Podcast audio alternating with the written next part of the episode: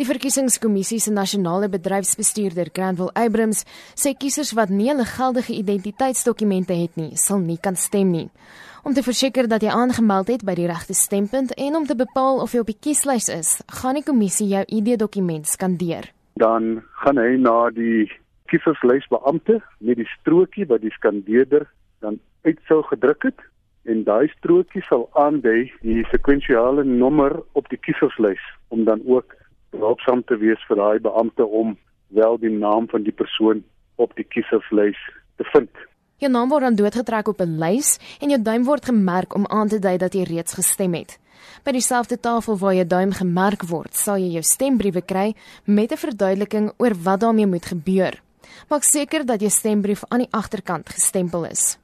Hy sê kiesers in die metros soos byvoorbeeld die Johannesburg of Nelson Mandela Bay metros gaan twee stembriewe ontvang. Een van die briewe gaan wit of grysrig wees en die ander een geel.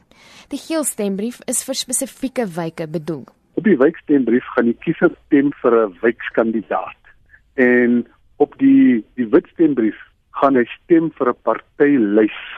En afhangend van hoeveel stemme daai party dan kry op daai lys sal ons nadat ons aan die uitslae bepaal, kyk hoeveel raadslede van daai lys afkom. By ander plaaslike munisipaliteite kom 'n derde stembrief by. Die een is groen en hy is vir ons distriksraad wat dan ook proporsioneel 'n uh, lys is en uh, dan stem jy vir daai lys en weer eens afhangend van hoeveel stemme daai lys dan kry, sal ons dan kandidate van daai lys af allokeer.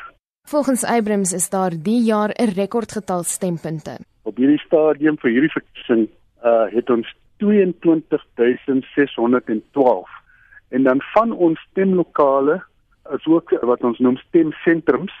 So by daai sentrum sal daar meer as 1 punt wees.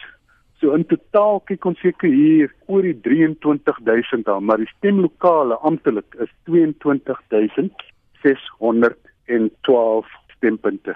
Sou jy enige klagtes wil hê tydens die stemproses, is daar twee maniere om dit te doen. As dit by die stemlokaal is tydens die stemproses, uh, dan moet hy by die voorsittende beampte van daai spesifieke stasie sy klagte indien sodat ons onmiddellik vir hom daar antwoord kan kry. Indien hy nie tevrede is nie en indien dit te doen het met die stemproses en die uitslag aan die einde van die dag van die verkiesing, dan kan hy dan aan die kommissie sy vertoë verrig. En indien die kommissie nou daaroor besluit, dit gaan nou vir politieke partye ook en die politieke partye is dan nie gelukkig met daai besluit nie, dan kan hy dan appeleer teen hy besluit by die kieshof. Vir 'n bepaalde tydperk voor en na die verkiesing is die spesiale kieshof gelykstaande aan die appelhof. Dit is regters wat uh, gewoonweg sou gesit het op daai vlak en ehm um, dit is deel van ons regsinstansies. Dit was Granville Abrams, die verkiesingskommissie se nasionale bedryfsbestuurder. Ek is Marlene Forsiefer, SAK nuus.